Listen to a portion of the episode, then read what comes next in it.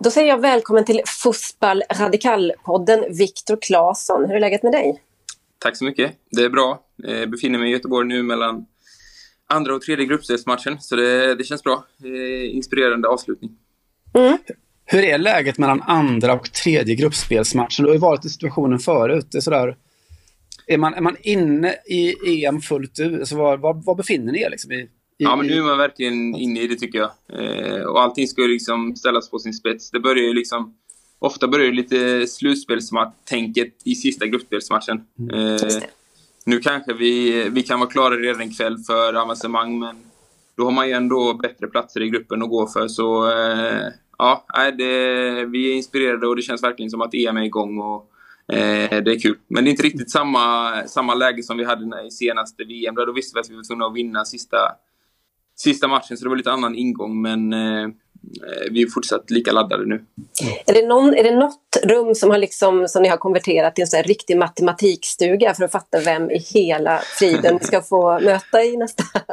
Nej, men har man problem med det så kollar man med Micke Lustig bara. Han har full koll på alla, alla alltså. grupper och alla uträkningar. Så han, han kollar jag med när jag, jag har lite frågor om eh, fortsättningen. Det är mattesnillet alltså? Ja, mattesnillet vet jag inte, men eh, han har bra koll på eh, slutspelsträdet. Ja. Det är lite så här lagpappa-vibbar över honom. Alltså en, en, eh, eller lek, lek, lag, säger man, lekpappa i laget. Är det det han är eller? Ja, men det, det tycker jag. Han, han går hem hos alla, alla generationer och alla gubbar i laget. Så han är verkligen eh, en rolig prick att ha med alltså. Viktor, vi brukar fråga våra intervjuoffer om, intervjuoffer om de har några smeknamn. Vi har ju plockat upp att du är, har ju samma som en annan, Vigge, eller? Är det det mest ditt vanligaste smeknamn? Ja, eh, jag tror det. Alltså i alla fall när inte den andra Vigge är med så brukar det vara Vigge. Ja. Eh, när han är närvarande också brukar det vara Claesson mer kanske. Men Aha, okay. eh, Vigge är det som är vanligast eh, annars. Ta fighten för Vigge tycker jag. Jag tycker inte att landslaget ja. är stort nog för två Vigge. Ja, ja men äh, det spelar inte så stor roll. Han får, han får vara Vigge när, det, när båda är där. Så det, det går bra. Eh, lite allmänt då, hur, hur, hur mår ni i bubblan? Hur är, liksom, hur är det på insidan och de här dagarna? Du var inne lite på det.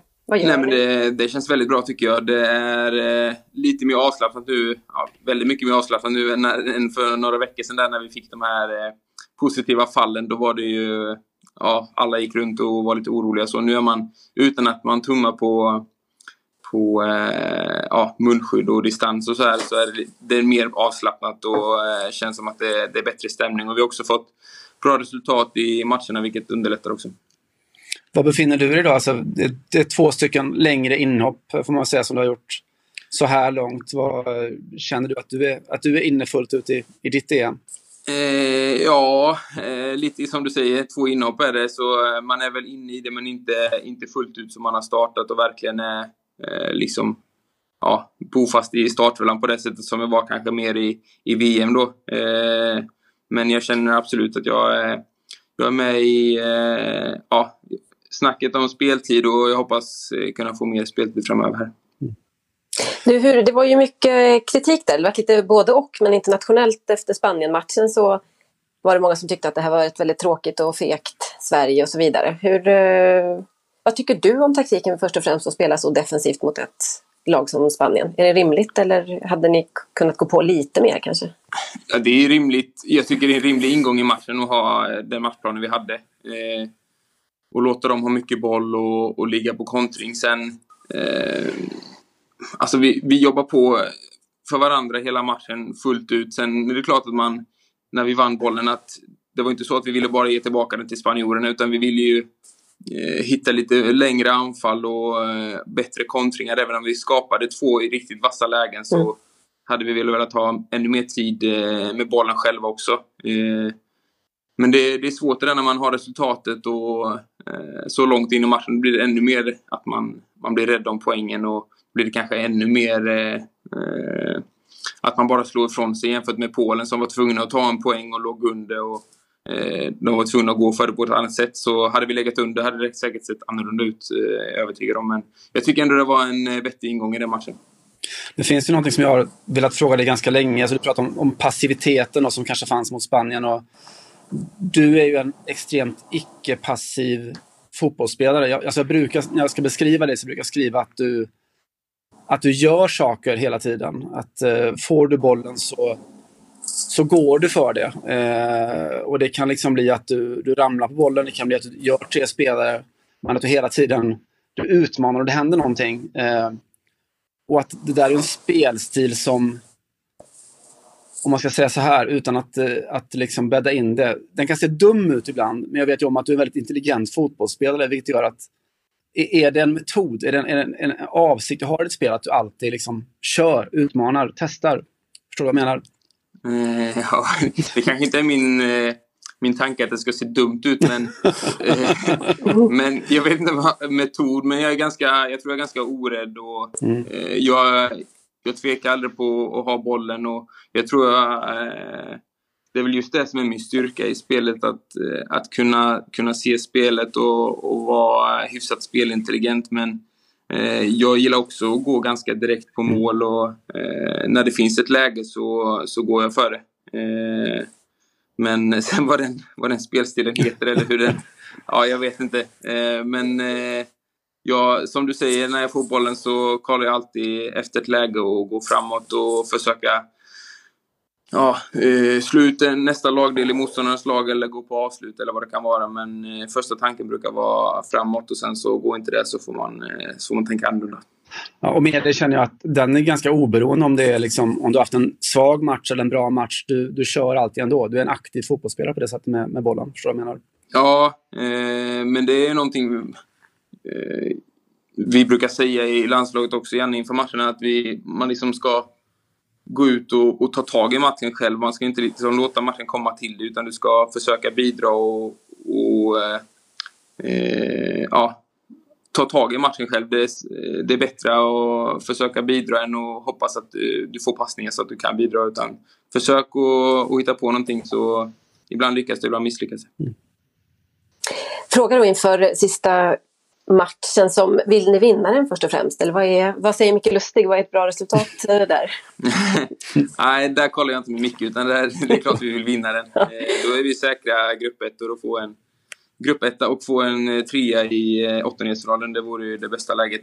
Även om det såklart är tråkigt att eh, det kan inte bli lika många fans i, i Glasgow som i, kanske i parken då. Men mm.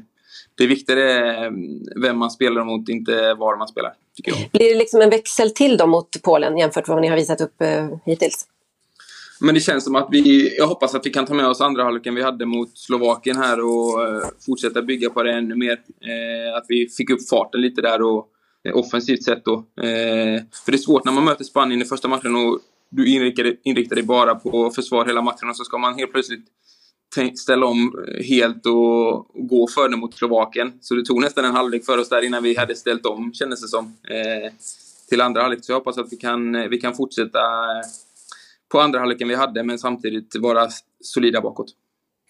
Du, är Lindelöf i närheten eller? nej, det är han tyvärr inte. I så fall, Vigge, Ja. Eh, jag tänkte ställa en fråga om eh, din kanske tuffaste upplevelse i karriären så här långt. Eh, för du har varit med om en sak som så här, kan krossa en, en karriär och som säkert sitter kvar som en tagg i hjärtat fortfarande.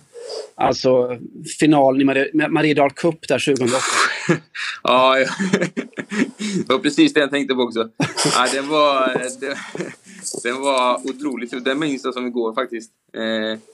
var du där på plats då? Jag var inte där på plats. Jag var i, i hjärtat, men jag var inte där. Ja, eh, nej, vi mötte ju Elfsborg i finalen där och eh, de gjorde mål med ett par sekunder kvar. Eh, och så blev det, det var direkt straffar då i finalen. Eh, så förlorade vi på straffar där. Eh, tror Johan Larsson var med och gjorde något mål där i straffläggningen. Eh, så det var, ja, det var otroligt tungt. Vi hade, vi hade ett ungt och hungrigt lag där, så det var synd. Vem missade sista straffen för, för IFK? Sista straffen vet jag inte. Jag för mig jag missade den faktiskt. Jag slog den i eh, innerribban och studsade på mållinjen och ut. Och sen var det en till i vårt lag som missade. Jag vet inte vem som missade sista. Jag tror, att det var, jag tror att det var du faktiskt. Enligt, ja, det, det är möjligt. ja, eh, då tar jag på mig den i så fall. Nej usch. Tycker jag den här intervjun börjar ta en lite, tråkig eh, Ja, det var en riktig tagg där i fotbollsgräden, det får jag hålla med om. Alltså. Eh, ja. Roligare då, eller jag vet inte om det är roligare, jag ska fråga om det. För att ofta när, man, när det pratas om Viktor Claesson så pratas det om en av Jan Anderssons favoritspelare. Det är liksom ett epitet som man hör ofta. Eh, och kanske framförallt eh, kring VM i Ryssland senast. Hur är det att höra detta? Eller vad, hur är det att vara känd som Jan Anderssons favoritspelare först och främst? Eh, nej, det har jag faktiskt inte hört så många gånger. Men alltså? det, är väl, eh, det är väl roligt att höra det, men jag vet inte om det, om det stämmer. Jag vet inte, jag, det var nästa fråga. Jag känner mig inte som en, eh, att jag är någon favoritspelare i truppen, utan jag är en spelare som alla andra. Så, ja. Det, det gjordes alldeles nyligen nu från VM-lägret, eller EM-lägret tror jag det var, eh, intervjuer med flera franska spelare där de fick frågan då, vem, vem är Didier Deschamps favorit? Och alla sa ja det är ju Griezmann. Det var en sån självklarhet för dem. Mm. Eh, och det var inte riktigt känt eh, utifrån då. Men så fanns, letade man ju upp massa bilder på när de kramade om varandra och Deschamps pratade gott om Griezmann och sådär. Eh, har ni någon sån då i truppen som Janne är liksom lite extra sådär mysig? Har han någon favoritspelare? Nej, jag vet inte, vi får väl ha en undersökning här också och se vad de säger. Ja, gärna. Du kan men, få återkomma det är väl klart att Granen har varit kapten och ja, en, är eh, han är väl någon man eh, har varit Jannes lite förlängda arm till spelartruppen. Så det är väl någon man mm. tänker på eh, så direkt. Men mm. eh, han har inte varit med nu och spelat här i EM så nej, jag vet inte vem eh, som skulle kunna vara favoritspelaren annars. Ja, men han låter ju som ett bra namn med tanke mm. på att det är inte så många som hade kommit med på hans aktuella situation kanske. Nej, så är det eh, Så det är, ja, han får ta den, eh, mm. den, den bollen. Ja. Du, det vi pratade om, om IFK Värnamo förut. Eh, och jag, man kan kanske säga att du är klubbens näst mest kände ex-spelare. Och kanske näst mest aktuell också. Eh, jag tänker på Annie Lööf. Ja. Eh, som väl... väl som väl stod i mål. Du är hennes favoritspelare också har hon sagt i någon intervju förresten. Så att... Alltså, ja, Jonas Thern är väl ganska aktuell också nu med, med Superettan. De ligger med i toppen. Men eh, ja, jag får vara nöjd med näst, näst mest aktuella då i alla fall. Men det är, bra, det är en hel ryggrad här. Annie Lööf mål, vi behöver en back då. Så har vi eh, Jonas Thern på mittfältet och så får du ta en anfallsposition. Det är en ryggrad. Det här är ja, Sveriges ryggrad. På, det är ganska bra konkurrens där om platserna faktiskt. från Värnamo Talangfabrik. Ja, den är tajt. Ja. Du, de, Annie Lööf har mycket att stå i också här i dagarna. Undrar, eh, alltså det här med regeringskrisen. Är det något som överhuvudtaget dyker upp i landslagsbubblan? Är det något som ni, ni nämner eller pratar om? Hur? Ja, det var faktiskt... Eh, eh vi hade... Det var väl tio... Eh, klockan tio här var det eh, såna de pratade och hade omröstning i, mm. i riksdagen och då, då var det flera spelare som satt och kollade hur det, hur det skulle bli och så var det precis innan vi gick ut på träning så, eh, så sa de att eh, Löfven eh, att de fällde Löfven då, mm. så eh, det har vi absolut koll på. Mm. Utbrast ett jubel undrar jag i gruppen. Nej, det var, det var varken jubel eller burop. Det var, det var bara ett konstaterande. Så det var, jag har inte koll på vad, vad folket röstar på här, tyvärr. Nej, men det var, då är ni i alla fall lite mer eh, inlästa tror jag än journalisterna som följer. Simon, du har bra koll. Jag har följt med, jag känner knappt att man hinner eh, göra något annat än att tänka på EM de här dagarna. Så det var ju glädjande att se att, mm. att kollen finns där i alla fall. Då. Ja, nej men jag försöker att, att hänga med, fast jag försöker inte hänga med så mycket på EM. EM-artiklarna. Eh, jag mm. tycker det, man, man presterar bättre när man inte hänger med för mycket i, i vad som skrivs om, ja, framförallt oss i landslaget. Det skrivs väldigt mycket så försöker undvika så mycket som möjligt. Men ändå så kollar jag på rätt många EM-matcher. Gillar du att läsa om andra lag? Ja. Vad sa du nu? Läser du, följer du vad som skrivs om andra lag, motståndarna och sånt där eller? Nej, då har jag mer koll på om det skulle vara någon övergång eller något sånt där. Eh, mm. Mer som fakta. Eh, men eh, eh, ja, jag försöker i alla fall undvika det som skrivs om, om Sverige då. Mm. Eh, ja, vi har väl snuddat i det, men alltså när, när du drog ditt, eller fick ditt knä söndertrasat där mot, mot Spanien för ja, ett, ett och ett halvt år sedan, lite drygt. För det första, så när det är uppskjutet, det passar väl dig ganska bra kan jag tänka mig? Eh, ja, ur EM-synvinkeln så var det, ju, var det bra för min del. Sen var det mycket annat dåligt som eh, följde med den pandemin som inte jag har varit, varit glad över. Men mm. eh, just ur den synvinkeln så var det bra. Vi har alltså ganska initierade källor som, som påstår att du i samband med det där så var du i princip bara någon slutförhandling ifrån att, att uh, bli klar för en flytt till, till Spanien och Sevilla. Var det, låg det någonting i det? Eller ligger det någonting i det? Eh, ja, du, det, jag har inte full koll på alla turer. Det var inget eh, bud på bordet i alla fall. Eh, mm. Sen hur nära det var, det vet jag inte riktigt. Eh, det var ju ändå ganska tidigt på sommaren jag fick den skadan. Eh, så det hade väl inte riktigt dragit igång mm. Eh, transfercirkusen där. Men eh, ja, det, det hade säkert blivit någon, någon flytt den sommaren om, mm. om jag hade varit frisk. Men sen var, var vet jag inte. Nej, och Sevilla fanns, fanns där i... Ja, förlåt. Ja, de var väl med i, i den mm. eh, ja, potentiella klubbar. Mm, mm. Jag tänkte, hur ser du på framtiden och eventuellt flyttläge och så vidare nu? Eh, nej, jag har ett år kvar på kontraktet. Eh, så min utgångspunkt är att vara kvar i, i Krasnodar. Sen om det skulle dyka upp någonting i, i sommar så eh, har både de och jag eh, sagt att eh, då lyssnar vi på det och då kan mm. man få till en flytt i så fall. Men det är inget som är konkret nu eller som jag fokuserar på här i, i EM-bubblan. Just det. Kan ju sammanfalla då med att du fyller 30 år. Hur är, har vi någon 30-årskris på väg in? Eh, eller? Nej, det tycker jag inte. Det är ju inte förrän nästa år. Så mm. det, det är lugnt. Jag tänkte på det, alltså det, det kommer ju de här eh, tråkiga nyheterna i veckan om att eh, Oskar Hiljemark eh, lägger skorna på hyllan. Och ni har ju följts åt väldigt länge, alltså från ja, elitpojklägret säkert tidigare än så, nere, nere i Småland, han i Gislaved och du i, i Värnamo. Alltså, väcker sånt några tankar hos dig när, när Oskar liksom tvingas sluta? Nej, men det är klart man får en, en tankeställare. Eh, det är inte så att jag har haft någon tanke på, förutom när jag skadade mig själv, att man ska kunna lägga ner karriären så här tidigt. Eh, och som du sa, jag har mött honom. Det är väl den spelaren jag har kamperat ihop med och mot längst av alla spelare på toppnivå. Eh, mm. Han eh, var med på... Vi mötte mycket Gislaved i, på sjumannatiden i Värnamo. Mm. Eh, så jag har många, många matcher mot honom och lite... Vi var väl inte bästa vänner då när vi möttes med de lagen men det har vi blivit eh, bra vänner senare och eh, spelat ihop i både smålandslag och eh, pojklandslag, u landslag och A-landslag. Så, ja, och Elfsborg dessutom. Mm. Så det, det, är väldigt tråkigt att, att det ska behöva sluta så tidigt för en så uh, talangfull spelare. Fotbollny. Radikal. Viktor, med uh, lite uh, koppling då till Sevilla och Spanien och allt det här så sa du i en intervju med vår kollega Mikael Wagner angående skadan att jag sprang förbi två spanjorer och jag tror att det var Jordi Alba som sparkade mig på vaden och då flyttade sig benet på något sätt sa en sammanbiten Claesson till Sportbladet då på den tiden. Vad, Jordi Alba, har han fått tillräckligt med skit för det här? Smärtan han har orsakat dig? Fick du, har du påpekat Nej. för honom att, vet du, Amigo, vad du ställer till med? Nej, jag tror inte han har koll på det. Det var inte så att han sa något nu på, på EM i alla fall. Nej, när vi det nästa fråga. Så jag, tror, jag tror inte han har koll på det alltså. han har annat att tänka på. Jag tycker han kommer lite väl lätt undan här kanske. Det finns ju andra som har skadat spelare som får be om ursäkt resten av karriären. Men Nej, nej, det var ju verkligen inget fult så, och det var nej. inget dumt menat. Så det, det, det behöver man inte ha dåligt samvete över. Nej, okay. Jag vet inte. Vi har frågat eh, spelare tidigare vilka de är, eller vi frågade Albin Ekdal i alla fall, vem han rent så socialt är i, i landslagsgruppen. Vem skulle du säga att du är i det sociala spelet i den här gruppen? Eh, nej men jag, eh, jag tror jag flyter runt hyfsat mycket.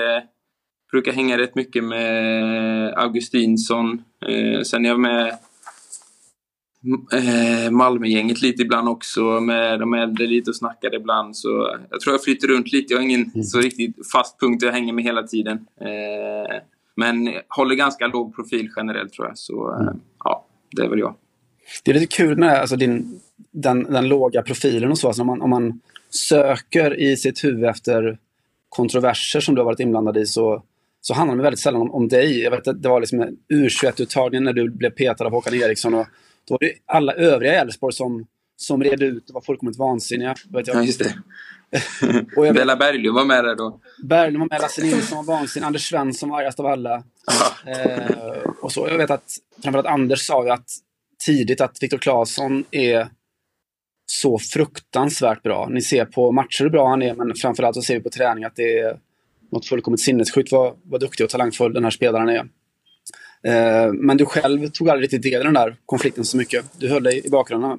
Nej, det har blivit lite sådana... Det blossade upp någonting i VM där med regnbågsfärg, regnbågsfärgade snören och lite sånt där. Så jag har varit med i några rubriker, eh, men eh, nej, jag, det bästa brukar vara att bara låta det ebba ut. inte, inte gå in så mycket i diskussionen utan ja, folk glömmer det om, om några dagar så är det andra nyheter man fokuserar på. Så det har varit min, min taktik när det, när det blossar upp någonting utan bara hålla låg profil och så, och så ebbar det ut. Bra. Bra taktisk förmåga. Ja, det har funkat än så länge. Mm. Vi får se. Det kanske dyker upp fler grejer här redan under under EM. Vi får se. Vi ska nog kunna piska upp något ska du se. Ja, jag är redo.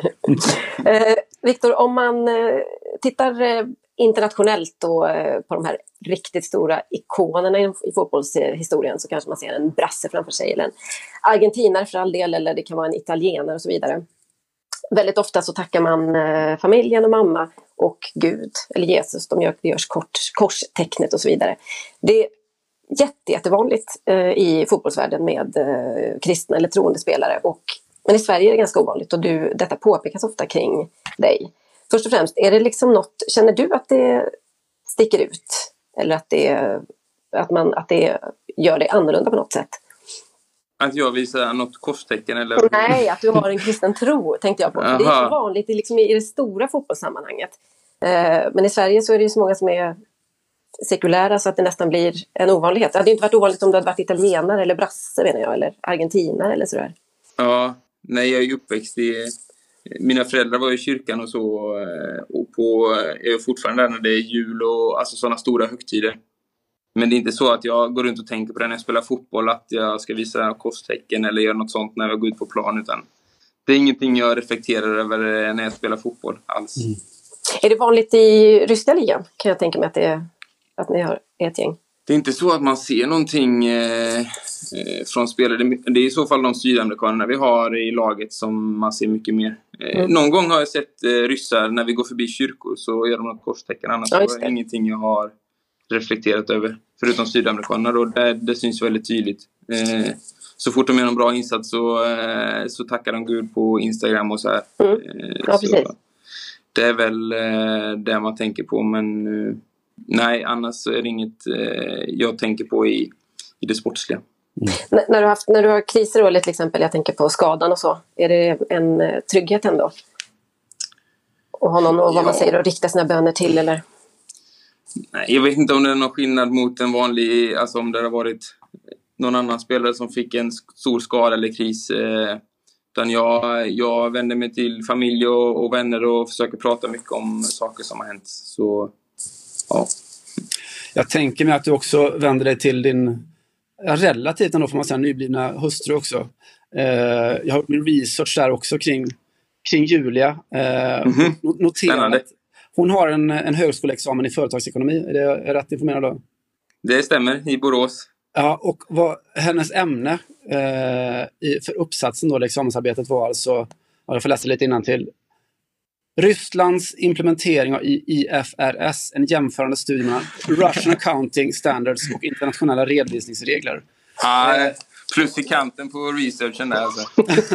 det, det, jag antar att hon fick hon styra om sin, eh, sin uppsats, för ni flyttade till Ryssland mitt innan hon var, höll på att ta examen. Ja, nej men det var så att eh, Ja, som du säger, hon, det var fyraårig utbildning där i Borås, eh, civilekonom. Eh, och sen sista ett och ett halvt åren så så flyttade vi till Ryssland. Eh, varav ett halvår av dem var ju examensarbetet.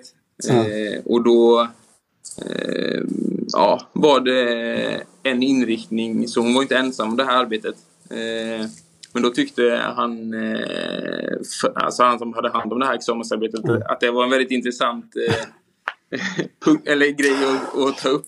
Ja, vem tycker inte det?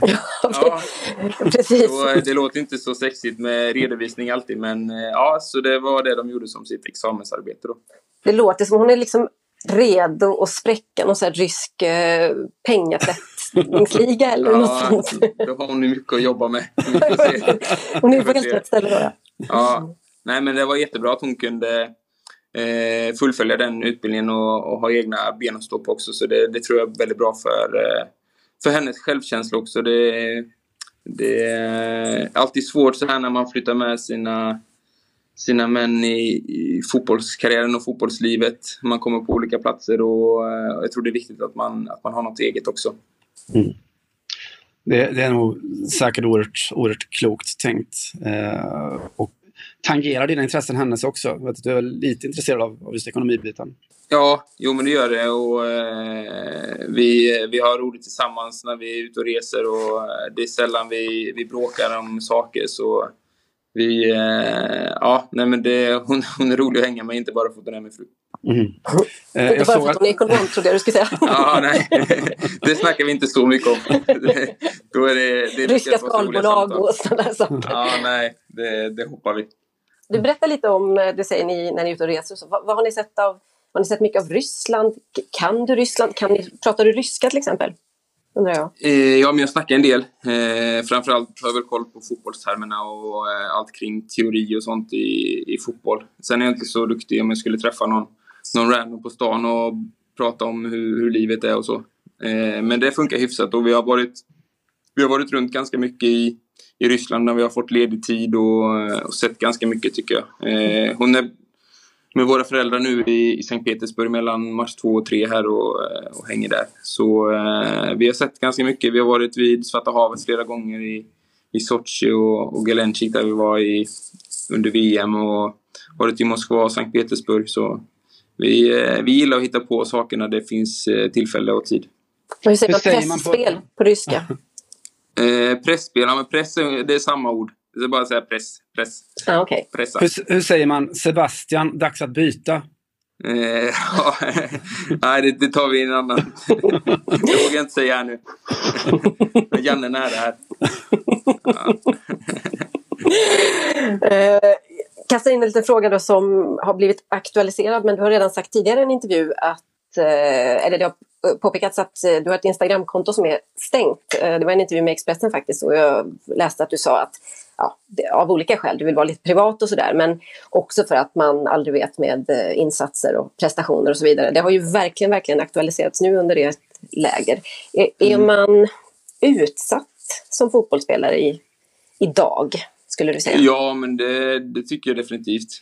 Det är väl inte bara den här grejen med med Marcus Berg utan det, det kommer tillfällen titt som tätt när, när det blossar upp grejer och, och har man eh, öppna profiler, var det Twitter eller Instagram, då är det mycket lättare för folk att skriva till dig och det blir nog automatiskt att, att du ser folk och vad folk skriver. Eh, och jag tror att på något sätt så kommer det etsa sig fast på, eh, på näthinnan och du vet eh, du tänker på det eh, mer än vad man gör om man har en stängd profil. Så jag, jag tycker det har varit ett vinnande koncept för egen del. Det är det här att hålla en låg profil alltså? Som det ja, går igenom. det är lite samma, profil, samma tema där. Eh, men också att man kan vara lite mer avslappnad vad man lägger ut för någonting eh, mm. om man är på semester någonstans eller, eller så här. Då, då vet jag att det är bara mina, mina vänner som ser det. Eh, så det, för min del funkar det bra. Sen vet jag andra som mår väldigt bra av att lägga ut på, ha mycket följare och och snacka med dem på det sättet. Men eh, för min del passar det bra med privat. Finns det en generationsskillnad där också? Alltså generationen som kommer lite senare? Eh, jo, men så är det också.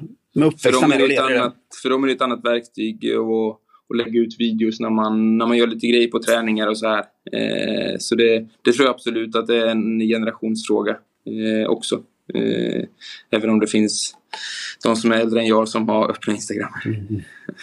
Tar dagens näst sista fråga så får du avsluta sen eh, Simon. Vi har ställt den här till alla också. Vem är världens bästa damfotbollsspelare enligt dig?